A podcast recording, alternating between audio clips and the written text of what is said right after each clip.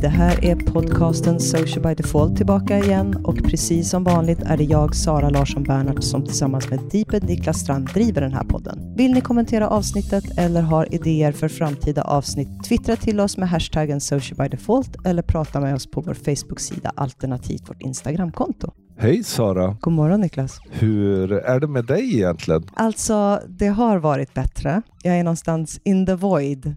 Jag testade ju positivt för eh, covid för en vecka sedan, lite drygt. Och Mm. har väl, tycker jag själv, kommit undan ganska lindrigt, men känner att kroppen är fortfarande påverkad. Det går lite fram och tillbaka, som alla säger. Pesten is in the house helt ja, enkelt. Ja. Så istället för att åka till Åre och åka skidor så hamnade vi i familjekarantän och eh, bytte semesterdagar mot eh, en veckas arbete helt enkelt. Ja. Mm. Du har ju helt klart haft en eh, ganska light form eftersom du har jobbat hela veckan. Jobbat och, eh, jag ska inte säga powerwalkat, men promenerat Nej. två gånger om dagen i alla fall. Det, för det har ju varit en grej vi har verkligen satsat på under nu när man sitter hemma. Att försöka gå Mm. tillsammans och då helt enkelt att vi pratar med varandra i telefonen och så kan du gå så fort du vill och jag går i min takt. Ja, precis. Det, det är jävligt smart egentligen. Ingen blir irriterad och båda får motion. Ja, Det precis. är liksom best of two worlds. Så det är en av de positiva sakerna att man sitter där man sitter. Men annars så kan ju jag som ändå tycker om att sitta för mig själv vara jävligt trött på det. Mm. Det börjar komma åt en nu, tycker jag. Det Ja. känns. Nu, har, nu kan vi det här. Ja, det märks på folk och ja, man vill träffas snart. Liksom. Mm. Hur mår du då? Jag mår bra. Jag gjorde också covid-test, inte för att du och jag hade träffats, för det har vi ju inte gjort på ett halvår, men utan att jag kände mig lite risig. Men jag var ju såklart negativ. Och hade jag haft covid hade det varit motsvarande jungfrufödsel eftersom jag inte träffar folk alls. Så jag mår ganska bra. Mm. Det har ju varit fantastisk vinter några veckor. The big melting game. Ja, precis. Ja, precis. Och det regnar som attan här i Västerås. Så det är ju trist. Men eh, förhoppningsvis så kommer ju våren Mm. om några veckor i alla fall. Vi har ju inte bara jobbat. Nej, det har vi Utan inte gjort. i torsdags, även faktiskt i onsdags, men i torsdags så gjorde vi då ett test och helt enkelt öppnade ett eh, försnacksrum inför den här podden på Mm. Clubhouse. Precis. Väldigt roligt. Du har ju hängt där lite mer än vad jag har gjort. Jag hänger ju emellanåt. Gärna tidigt, tidigt på morgnarna eller väldigt sent på kvällarna. Men du har ju hängt där en del. Inte som en del andra som liksom känns som de har slutat jobba och bara hänger på Clubhouse. Men eh, lite på kvällar och lyssnar in och lurkar. Jag blir ju jättenyfiken på den här plattformen. Liksom vad man kan göra av den, var den tar vägen och egentligen vad den innebär för sociala medier Mm. generellt. För det var länge sedan vi såg en liknande hype egentligen. Ja, både du och jag tenderar ju att vara lite skeptiska mot nya saker. Och tittar man bakåt så visst, TikTok diskuterades jättemycket, men Mm. det handlade väldigt mycket om att därför där är den unga generationen, man måste hänga där för att se vad de gör. Snapchat var lite så också ändå Mm. ganska snabbt, även om vi i början kanske funderade, åh, är det här nya? Men ganska snabbt insåg man, ja men det här är för Vi körde ju till och med Snapchat-utbildningar för ett par företag. Ja, men det gjorde vi ju. För att eh, haka på hypen. Men där Clubhouse ju är, är ju inte för de yngsta yngsta. Och det är, inte, det är inte så att man som äldre känner sig helt off. Utan det här blir ju Mm. ett brett och samtidigt kanske ett socialt medier som är lite mer till för oss som har kommit upp en bit i åren. Alltså att någonstans 18 uppåt. Liksom. Vi såg ju en liknande hype runt Instagram faktiskt, när den fick fart ordentligt. Men det jag tycker är spännande om man jämför då, för jag kan uppleva samma hype också när Twitter kom. Inte, den hade en lite längre liksom startsträcka, men när väl några vill riktigt stora influencers kom in, ja men då började Twitter ta fart också. Det som jag tycker är spännande med Clubhouse, om man jämför Clubhouse, Twitter och Instagram, är ju att om Instagram visar väldigt mycket yta, så behöver du ju verbalt beskriva den på Clubhouse. Mm. Det blir liksom proof of concept. Du kan inte sminka grisen som du kan göra egentligen på Instagram. Och lite som vi pratade om eh,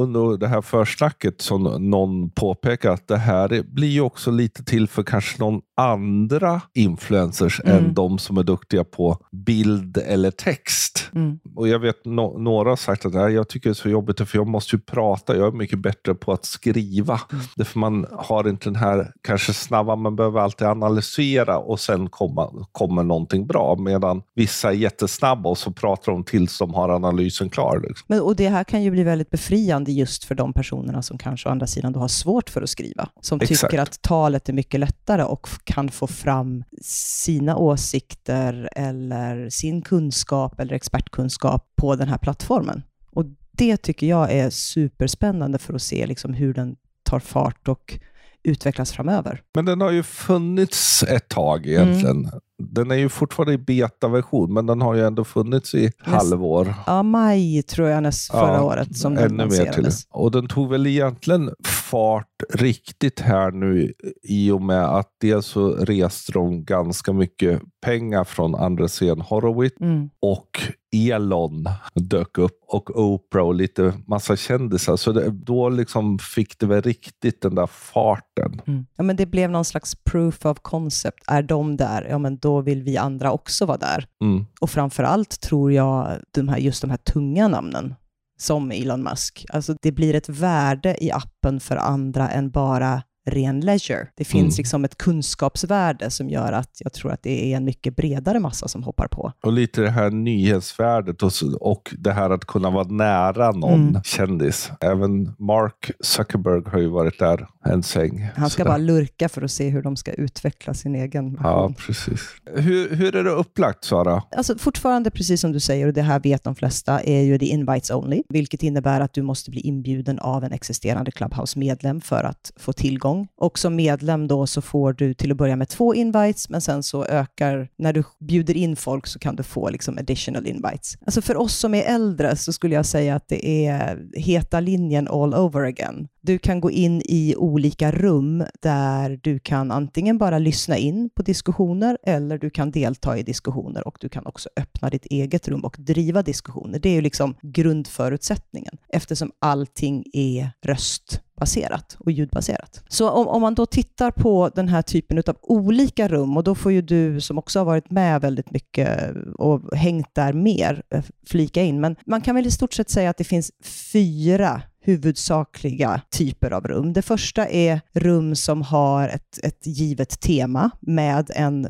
facilitator och där du har liksom ett antal talare som är uppbjudna på scenen då där du pratar. Ett ganska planerat rum, liksom, motsvarande en konferens kan man säga. Ja, men precis. Du har en, liksom en expertpanel och sen så har du en facilitator då som, som driver samtalet framåt och ser till att folk får prata ungefär lika mycket. Sen har du ju rum där du kanske inte har någon facilitator som är utsedd facilitator, utan du har två eller flera talare där någon eller några är mer moderatorer. De kan antingen drivas av teman eller att rummet i sig har ett namn som gör att det är liksom ett, ett återkommande rum, där man då bjuder upp olika talare på scenen utifrån antingen expertkunskaper eller folk som helt enkelt är med i rummen. Och sen så kan du ha rum som är, du har flera moderatorer, alltså ett antal uppe på den här scenen då, som inte har teman och där det blir, eh, vad ska man säga, ganska öppna diskussioner och de kan ta vägen lite vart som helst. Mm. Och sen har du helt öppna fria rum som är mer än som en polsk riksdag. Alla kommer in, alla kan prata och alla pratar Mm. i munnen på varandra. Sen i det sista finns det ju fortfarande moderatorer. Därför i varje rum finns det alltid någon som så att säga lyfter upp folk. Men Mm. då har man ju valt att man lyfter upp alla som kommer in och helt enkelt, man behöver inte gå in. Man, man kan alltid vara publik och vara tyst. Men, men de, de tenderar ju att vara förvirrade. Visst är det så att jag som startar ett rum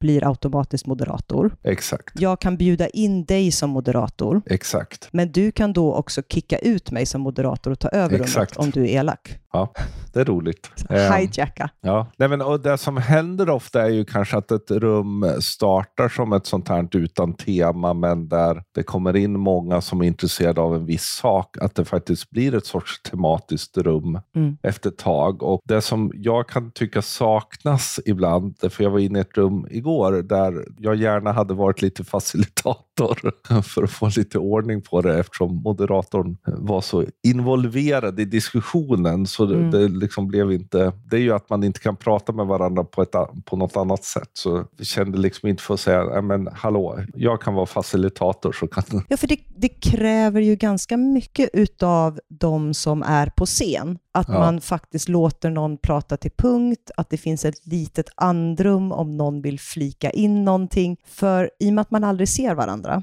så vet man ju heller inte när man avbryter. Det kan man ju bara jämföra när vi spelar in. Vi, vi har ju också varandra på Skype mm. för att se varandra. Där vi också är så vana så vi ser ju liksom varandra. Vi känner igen varandras tecken när vi börjar bli klara när vi har sagt någonting. Och, och det tycker jag också att man har märkt när man har hoppat in och ur an, ett antal rum att ju bättre struktur, ju skickligare moderator, desto högre värde i rummet. Mm. För jag märker också på vissa rum där du kanske har en svagare moderator med väldigt starka talare, att det kan liksom spinna iväg och så landar du någon helt annanstans än vad du förväntade dig som lyssnare när du steg in i rummet. Och därför mm. gäller det också att moderatorn, eller facilitatorn då, plockar tillbaks dialogen och håller sig till mm. det eventuella temat, om man nu har ett tema. Som man och det hände ju lite i det första rummet, du och jag. Vi, vi startade ju ett rum bara för skojs skull, utan tema och bara mm. för att pröva lite inför torsdagen. Och där fladdrade ju diskussionen iväg åt något håll som vi bara kände att, nej men vad fan, mm. vad hände där? Liksom. Eftersom det kom in folk som gärna hört sin röst mycket. Och i, i förlängningen då, när vi pratar om, och vi kommer beröra det eh, lite senare, är ju att vi kommer nog se folk som kommer kunna göra karriärer som riktigt duktiga facilitatorer på Clubhouse. Det är en ganska bra övning om man tänker att man ska göra karriär som moderator. Till mm. exempel, jag, jag gissar att Beata Wickbom som är en supermoderator eller Karin Zäta som en jättebra moderator och sådana. De skulle vara super här liksom, att ha med. Men också om man tänker att man vill göra moderatorsuppdrag så kan faktiskt att driv, försöka driva ett antal rum vara ganska nyttig träning mm. en sån här gång. Därför, liksom också en annan del som är det, för du sa att ha det här tystnaden, men det får ju inte bli för lång tystnad. Det för folk springer ju ut och in ur rum och man kan ju se att folk ramlar in och så är de där en minut och så försvinner de. Och har man då inte någon fart eller att det händer saker så kommer ju många försvinna. Ja, för de utav våra lyssnare då, för nu känns det också lite grann som att vi tar för givet att väldigt många vet hur det ser ut inne i, i på Clubhouse. Mm. Då är det så att när du startar ett rum så har du tre olika avdelningar i din skärm som du kan titta på telefonen. Överst så har du någonting då som kallas scenen. Det är där moderatorerna är och det är där också de talarna är som, som moderatorerna bjudit upp som kan prata på den här scenen. I avsnittet under så kommer det också dyka upp en mängd avatarer. Det är de personerna som har någon form av följar-connection med personerna på scen. Och sen har du en vansinnig då, beroende på hur mycket människor det är i det här rummet, radda med avatarer där du helt enkelt är en åhörare som inte har någon som helst koppling till moderatorerna eller talarna. Och hur gör man för att få tala då? Det finns en liten funktion längst ner som du trycker på där du kan eh, raise your hand, alltså du kan räcka upp handen. Då får man en notifikation som moderator att det finns någon som har räckt upp handen och då kan du välja att släppa in den personen upp på scenen och få den personen att prata. Mm. Och när personen är klar kan du antingen välja att låta personen finnas kvar på scenen, eller så kan du plocka ner dem igen i publiken genom mm. att hålla din scen ganska ren. Det känns som att det finns en limit av antalet personer som kan vara på scenen. Det finns nog säkert någon limit, men den är nog ändå rätt, rätt bred eftersom man kan plocka upp ganska mycket folk. Mm. Och sen då där, när man hoppar in och ut så finns det något som heter Leave Quietly. Mm. Så antingen så går man ur på det sättet eller så helt enkelt går man in i ett annat rum när man kollar då i sin första sida. Mm. Ganska enkelt egentligen när man tar ett tag innan man har fattat allt det här. Men sen är det relativt enkelt att hantera det. Jag lyssnade in på ett rum, så här, bas, grundkurs i Clubhouse. Det är, det är någon engelsman som har den varje dag. Ja, det, det är några olika som kör de här om och om igen. Mm. Men det, är, det är ganska ändå bra att göra det. Och det är ganska intressant också att se hur de någonstans visar att man är ny, för då är det okej okay att inte riktigt kanske kunna etikettsreglerna. Att den första veckan så har du en liten ikon på Alltså din avatar som visar att jag är ny på Clubhouse och har överseende om jag inte riktigt vet Ja. eller kan. Och det tycker jag är ett ganska smart drag faktiskt. P- eh, Prao-skylt. Mm. Det är kul, det är annorlunda, det är likt massa saker och samtidigt så har vi en hype som, det var länge sedan man såg den och självklart finns det en del som är total evangelist och tror att det här kommer revolutionera allt, men det kommer förändra saker. Mm. Men det finns lite så här, molk i bägaren. Både du och jag som jobbar med storföretag har ju varit tvungna att re resa lite Varningens varningsflaggor.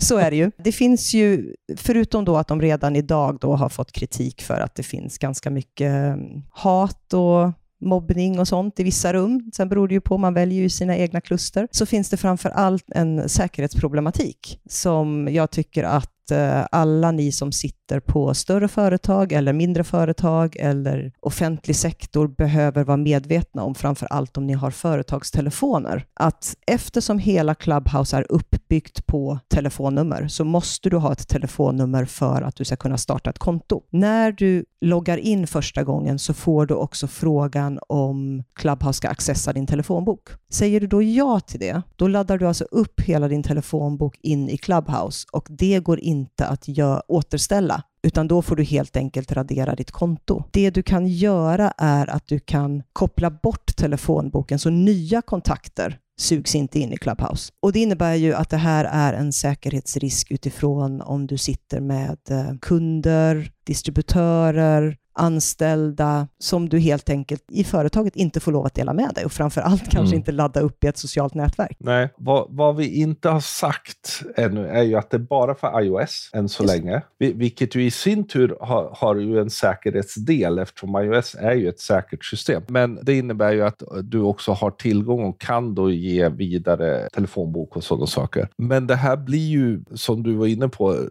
jätteproblem för företag och jag gissar att vi kommer se många företag som kommer ge då olika Direktiv. för hur man hanterar företagstelefonerna. Sen är, ju, sen är det där ju ett litet problem. Därför jag menar, det, det är ju lite, det liksom så här, en del använder sin företagstelefon till både och. Andra har använt sin privattelefon till båda och. och så, så det är ju lite liksom inte klara gränser alltid i det här. Men tänk till ganska mycket där. Och jag menar, eh, känner man att man har känsliga telefonnummer eller känsliga kontakter så dela inte den från början utan då får man helt enkelt leta efter folk och följa. Om jag har min företagstelefon som min enda telefon, då borde mitt företag också kunna förbjuda mig att använda Clubhouse. Ja, Om jag har min privattelefon, som jag även använder som, ja, men till viss företags, kan de förbjuda mig då? nej. Och har jag en av varje så är jag liksom bara, då kan jag segla genom livet som...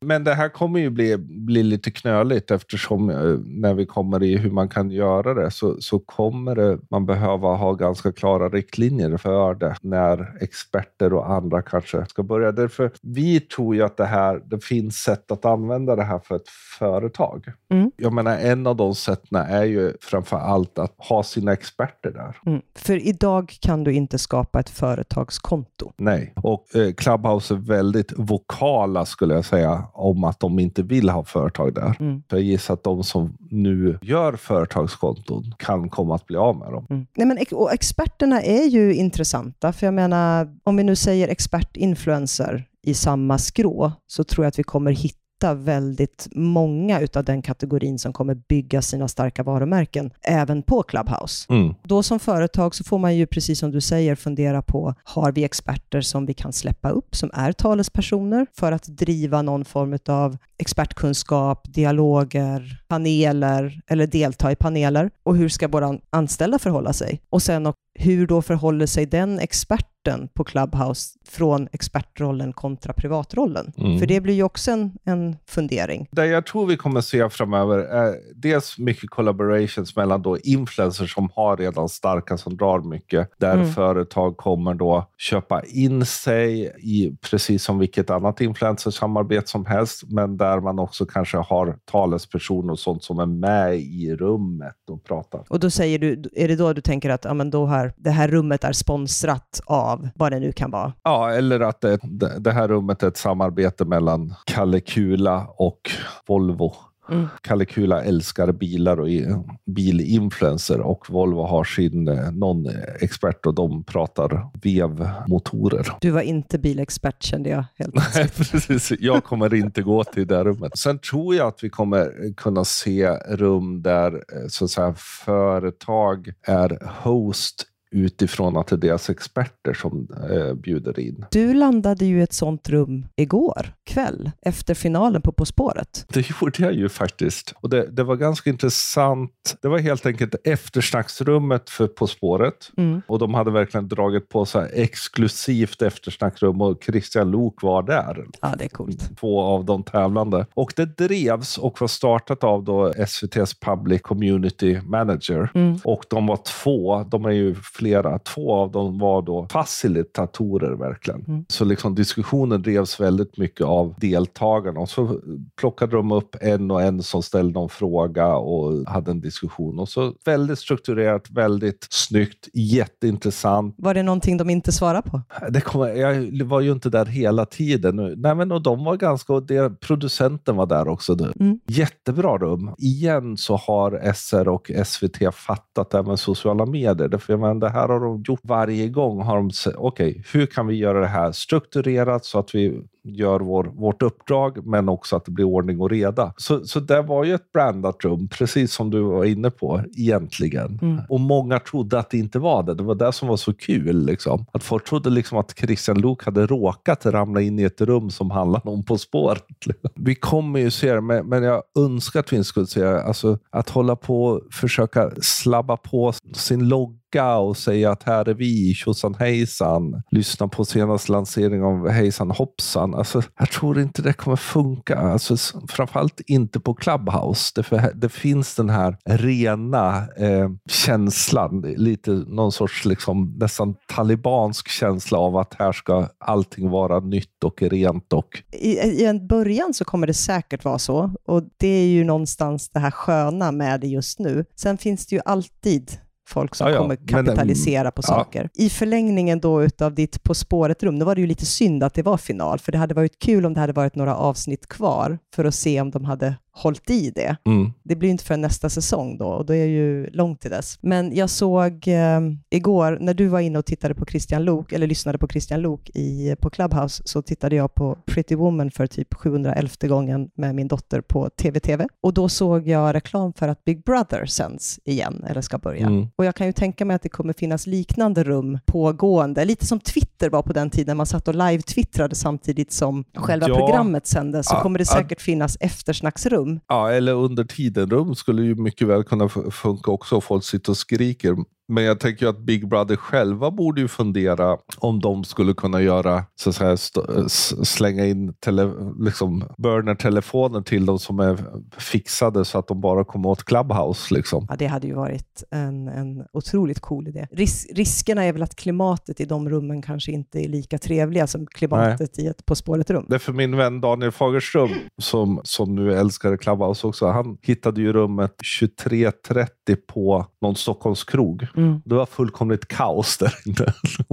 och där var det verkligen så att alla var på scen och uh, härjade. Liksom. Så när man har fått dricka fram till åtta och alla går hem så går man till Clubhouse och så fortsätter man festa? Och det där kan ju också vara intressant för krogarna. Att någonstans, hur håller man ihop relationerna? Så vi kommer se massa. Jag, det, jag tror att det är också en av de roliga sakerna, att det finns så mycket kreativitet i att använda det här ganska avgränsade formatet. Mm. Om vi då ska dra tillbaka vår diskussion lite grann och titta på då, hur tror vi att Clubhouse kommer utmana de andra plattformarna? För vi vet ju att de håller på och har släppt liknande saker. Mm. Och tror vi att Clubhouse kommer att komma ut som vinnarna eller är det de andra plattformarna som kommer komma ut som vinnarna om mm. vi ser liksom sex månader, ett år framåt? Alltså, den första, den närmaste som, som ofta diskuteras mycket, det är ju podcastandet. Mm. Eh, förra året så startade 800 000 podcasts. Oh, Jesus. Vilket innebär att,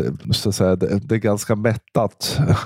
Lite som ni kommer säkert ihåg att jag sa, jag ser samma sak i podcastscenen som jag såg i bloggscenen 2005-2006. Och det är ju verkligen så. Och då är frågan, Clubhouse, kommer det utmana eller eh, så säga, döda poddscenen? Nej, vi vill ha, om, om vi jämför det, den diskussion du och jag hade på Clubhouse med den ni kommer höra nu, så är den här editerad, den är redakterad Mm. och den liksom handlar om att sätta sig och lyssna under en halvtimme, 45 minuter och sen är det klart. Och stora skillnaden är ju också att jag kan välja när, hur och var jag vill lyssna på ett poddavsnitt. Exakt. Det kan Mm. jag inte med Clubhouse, för så fort Nej. rummet är stängt så är allting också borta. För det finns ingen möjlighet att tejpa eller spela in i Clubhouse idag. Inte via appen i alla fall. Man kan ju helt enkelt spela in genom skärminspelning eller på andra sätt, men man bör inte göra det utan att fråga om lov rent legalt. Mm. Men så jag tror nog snarare att det här kan vara en bra grej för poddarna att försöka lite som kanske kö- köra försnack och eftersnack och Mm. det synkrona tablåaktiga som faktiskt Clubhouse är, är inte vad eh, poddarna är. Framförallt tänker jag de poddar som har som vana att intervjua folk. För jag menar, då är det den som intervjuar eller den som äger podden och intervjuoffret som har en dialog. Om man Mm. då har ett eftersnack någon vecka senare så kan ju faktiskt de som har lyssnat på podden och fått andra frågor Mm. kunna få lov att ställa den till, till den personen som intervjuades. Mm. Det fördjupar ju kunskapen och dialogen avsevärt jämfört med att bara Mm. ha podden. De andra då, vad tror vi om dem? Alltså, vi har ju diskuterat det lite fram och tillbaka. Vi vet att Twitter har något liknande Spaces. och vi vet att Facebook jobbar på något liknande. Mm. Jag är rätt kluven där, för jag kan tycka att det finns någon slags befrielse i att jag får bygga upp mina nätverk på nytt. Mm. På Facebook har jag lång historia bakom med, med både bekanta, före detta bekanta och folk som ligger liksom, som man en gång har connectat med och sen aldrig någonsin connectar med. Twitter har ju både plattformen i sig utvecklats och man själv har utvecklats, vilket innebär att man har kanske förändrat sitt kluster. Jag gillar det här att jag får lov att starta om från scratch. Mm. Sen tenderar man ju att koppla ihop sig med folk som man känner redan ehm, lite grann. Så utifrån det perspektivet så tror jag att Clubhouse kan bli vinnaren. Men för de som har starka plattformar redan, som är influencers, som har liksom kanske starka grupper grupper de driver, likaså stora twittrare, då kan det lika gärna slå åt andra hållet, för de vill, in, de vill inte bygga upp från början, utan de vill ha sin community där. Så jag är jättesplittrad. Vad tror du själv? För åtminstone en vecka sedan, nu har det faktiskt lugnat ner sig lite, så var i princip 90 procent av alla rummen handlade om Clubhouse. Så det var på en extrem metanivå konstant. Och där var jag inne i ett amerikanskt rum där de diskuterade det här. Det var Social Media Today som hade det faktiskt. Och eh, där tog de upp en snubbe som hade då byggt en, medvetet en Twitter-following på en miljon. Mm. Han sa att problemet för honom var ju någonstans att ska han lämna den? Därför, jag menar, att konvertera över är inte så jävla enkelt alltid. Utan han såg ju mer Spaces som sin möjlighet att, så att säga, vidga sin närvaro hos sina följare där han redan hade en, en stor following och en hög cred i det. Samtidigt så tror jag att för influencers och sådana på Instagram så är Clubhouse mycket in, intressantare egentligen. Tror du? Ja, därför, där finns ju ingen sån motsvarighet. Att då kan man säga att ja, men, häng med mig på Clubhouse. Mm. Det, det man har sett bland influencers är att, att de är duktiga att försöka finnas överallt. Jag menar, alla har nu en podcast. Ganska många har, kör, eh, streamar Twitch. Mm. Man kör live. Man, man försöker liksom finnas på alla plattformar för att på så sätt liksom saturera sin närvaro. Och då kan ju Clubhouse vara intressant i sig som en egen plattform istället för att göra samma sak på där man redan är. Och jag tror att vi har lite olika influencers i åtanke, för jag tänker att många av dem som är tech-influencers, eh, som pratar mycket hur man gör när man filmar, hur man gör när man fotograferar, som har ett, ett, en, en substans i ett ämne som de driver. De är ju experten någonstans och sen så har de accelererat det på, på Instagram. Har säkert en lika stor behållning av att driva något liknande på Clubhouse. Men jag kan tänka mig också att de influencers som bara är yta kommer ha svårt att driva det för att de vet inte riktigt vad de ska prata om eller så finns det inte så mycket substans bakom ytan och då kan Nej. det å andra sidan bli svårt. Å andra sidan kan man köra konstanta AMAs liksom, och så får folk komma in och ställa frågan Åh, vad, vad köpte du din tröja? Och så berättar man det. Jag hör vad du säger och jag håller med. Så, så det är intressant. Jag var ju inne på att de skulle vara antagligen en plattform som skulle komma att säljas ganska fort. Men jag har ändrat mig i det. Dels utifrån hur mycket pengar de har rest och deras värdering. Men hur tjänar de Och- pengar? Ja, de tjänar inte en pengar alls, men det här är ju liksom verkligen den klassiska Silicon Valley, där vi trodde vi, som var över. Liksom att de, de har alltså rest flera, jag tror det var 100 miljoner i, nu senaste Mm. dollar då. Och de är, är värderade till en biljon. Men hur ska de bli rika? Vad, alltså, ska inkomsten komma? Är det så att du kan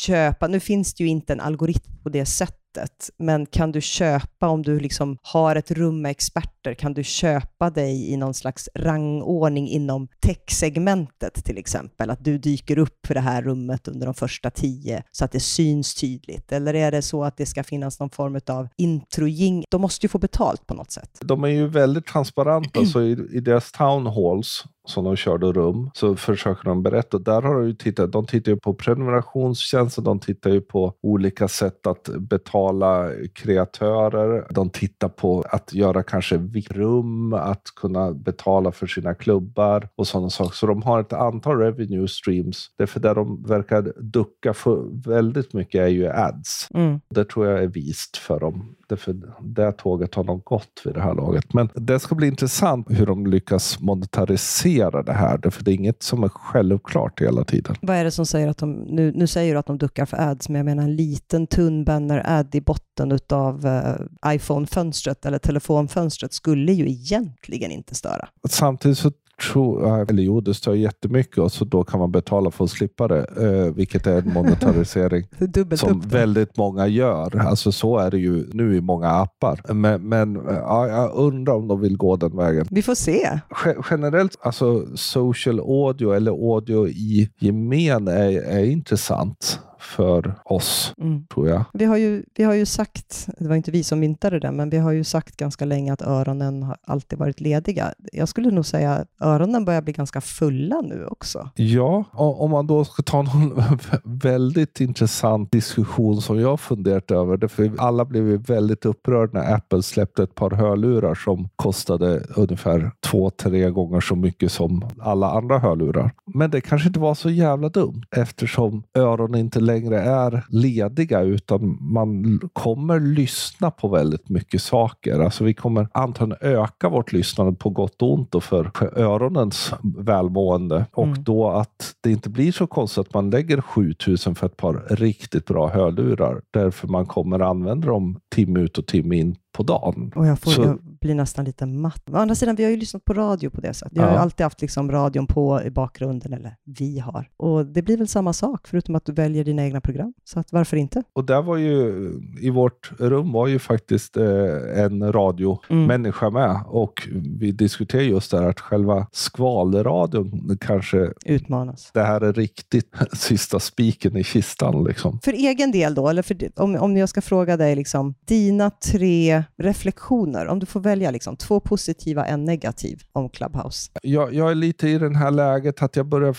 Det är nog första gången jag känner att någonting verkligen kan hota det som vi har sett hittills. Jag tror Clubhouse och hela den utvecklingen kommer förändra sociala medier verkligheten väldigt mycket. Men samtidigt är också Clubhouse, som du och jag har diskuterat väldigt mycket också, det gamla och det nya sociala medier, de är någon sorts väldigt långt in på det nya men har ändå en hake in i det gamla Mm. som den sociala grafen styr Clubhouse. Samtidigt så är det väldigt underhållning. Det är väldigt mycket konsumera någonting, vilket det gamla snarare alltid har handlat om att hålla relationer och hålla kontakten på, på ett sätt. Så det är, det är en spännande utveckling att se eh, hur, om Clubhouse faktiskt är den där som kommer förändra eftersom de ligger lite i mitten och stökar med båda på många sätt. Negativt tror jag är att vi är så vana att försöka kapitalisera på saker och vi är så vana att försöka skapa fördelar för eh, våra varumärken och, och sådär. Att vi inte kan låta saker vara och utvecklas för att sen antagligen att det blir bättre. Det är lite sådär telefonmarknadsföring. Nu har ju telefonen funnits hur länge sedan, men jag menar snacka om att egentligen döda en möjlighet att skapa relation genom att ringa och ringa och bara trycka på. Och här, alltså vi är så vi är så snabba på att försöka konvertera på kanaler att det förstör ibland. Ja, men jag gillar den här, det här vilda västern som ändå är på Clubhouse just nu. Liksom att alla försöker, alla prövar, det är kreativt och 95 procent av idéerna faller pladask. Liksom. Men ja, det kommer inte... Jag sa det till en som jobbar hos mig som började prata om hur ska vi använda det. Jag var, ja, men njut ett tag nu av det här, för det här kommer inte bestå som det ser ut just nu. Dina? Två positiva. Att jag kan bygga upp mitt eget nätverk på nytt. Det tycker jag är spännande. Jag ska försöka dra mig väldigt långt ifrån Sverige och hitta ställen på andra sidan jorden, tänker jag, eh, av experter som man kan lyssna in. För jag tycker att eh, det finns ett antal riktigt spännande rum inom just marknadsföring, sociala medier, där jag uppskattar dialogen. Så det mm. tycker jag är superspännande. Lite också som jag tycker är, är kul som jag upplevde Twitter var från början, men Twitter tog ju så mycket uppmärksamhet eftersom du var tvungen att läsa och du var tvungen att skriva. Just det här att jag kan trilla in någonstans för att jag är lite uttråkad och det finns alltid en intressant dialog som du kan lyssna in eller lyssna lyssna på. Mm. Det tycker jag också är superpositivt. Det jag är rädd för, eh, och det finns ju alltid en baksida med allt, är ju att skriven text är lätt lättare att moderera mm. än prat. Och jag tror att när de väl släpper upp det här och det blir mainstream på riktigt, så tror jag att de kommer hamna i samma diskussioner som de andra plattformarna med extremt mycket hat, extremt hårt klimat i vissa grupper, där du säger någonting och sen är det borta det kan jag bli lite orolig över, för jag tycker att mänskligheten har tappat sina spärrar väldigt mycket i det skrivna och jag tror att det kan eh, bli ännu värre i det här forumet faktiskt. Ja, det, man ser inte varandra. Eh, samtidigt så hör man varandra och det finns en... No, ja, nej, men jag förstår vad du Mycket precis förtal och sådana saker tror jag ja. det kommer, kommer vara. Vill man följa den diskussionen så kan man då på Clubhouse så kan man ju följa Mårten Schultz som mm. brukar ramla in och ur rum och även göra egna rum eh, runt just den här problematiken. Men det var det vi hade idag. Jag hoppas att ni har lärt er en hel del, att ni är nyfikna på en faktiskt en fantastisk plattform. Om vi hittar länkar som kan vara intressanta så lägger vi ju dem alltid som vanligt i våra show notes och de hittar ni på podcast.socialbydefault.se. Glöm inte att prenumerera på vår podcast. Vi finns på Spotify, Apple Podcaster, Soundcloud, Acast och Stitcher och det är bara att söka på Social by Default. Och ge oss väldigt gärna en recension eller betyg på Podcaster, Apple Podcaster. Prata med oss med hashtag Social by Default och framförallt håll koll på Clubhouse. Därför vi kommer fortsätta att köra försnacksrum inför våra poddar och så. Vill man prata med oss så heter jag Deeped överallt. Och jag heter Sanasi LB överallt. Vi hörs snart igen. Hej då! Hej då!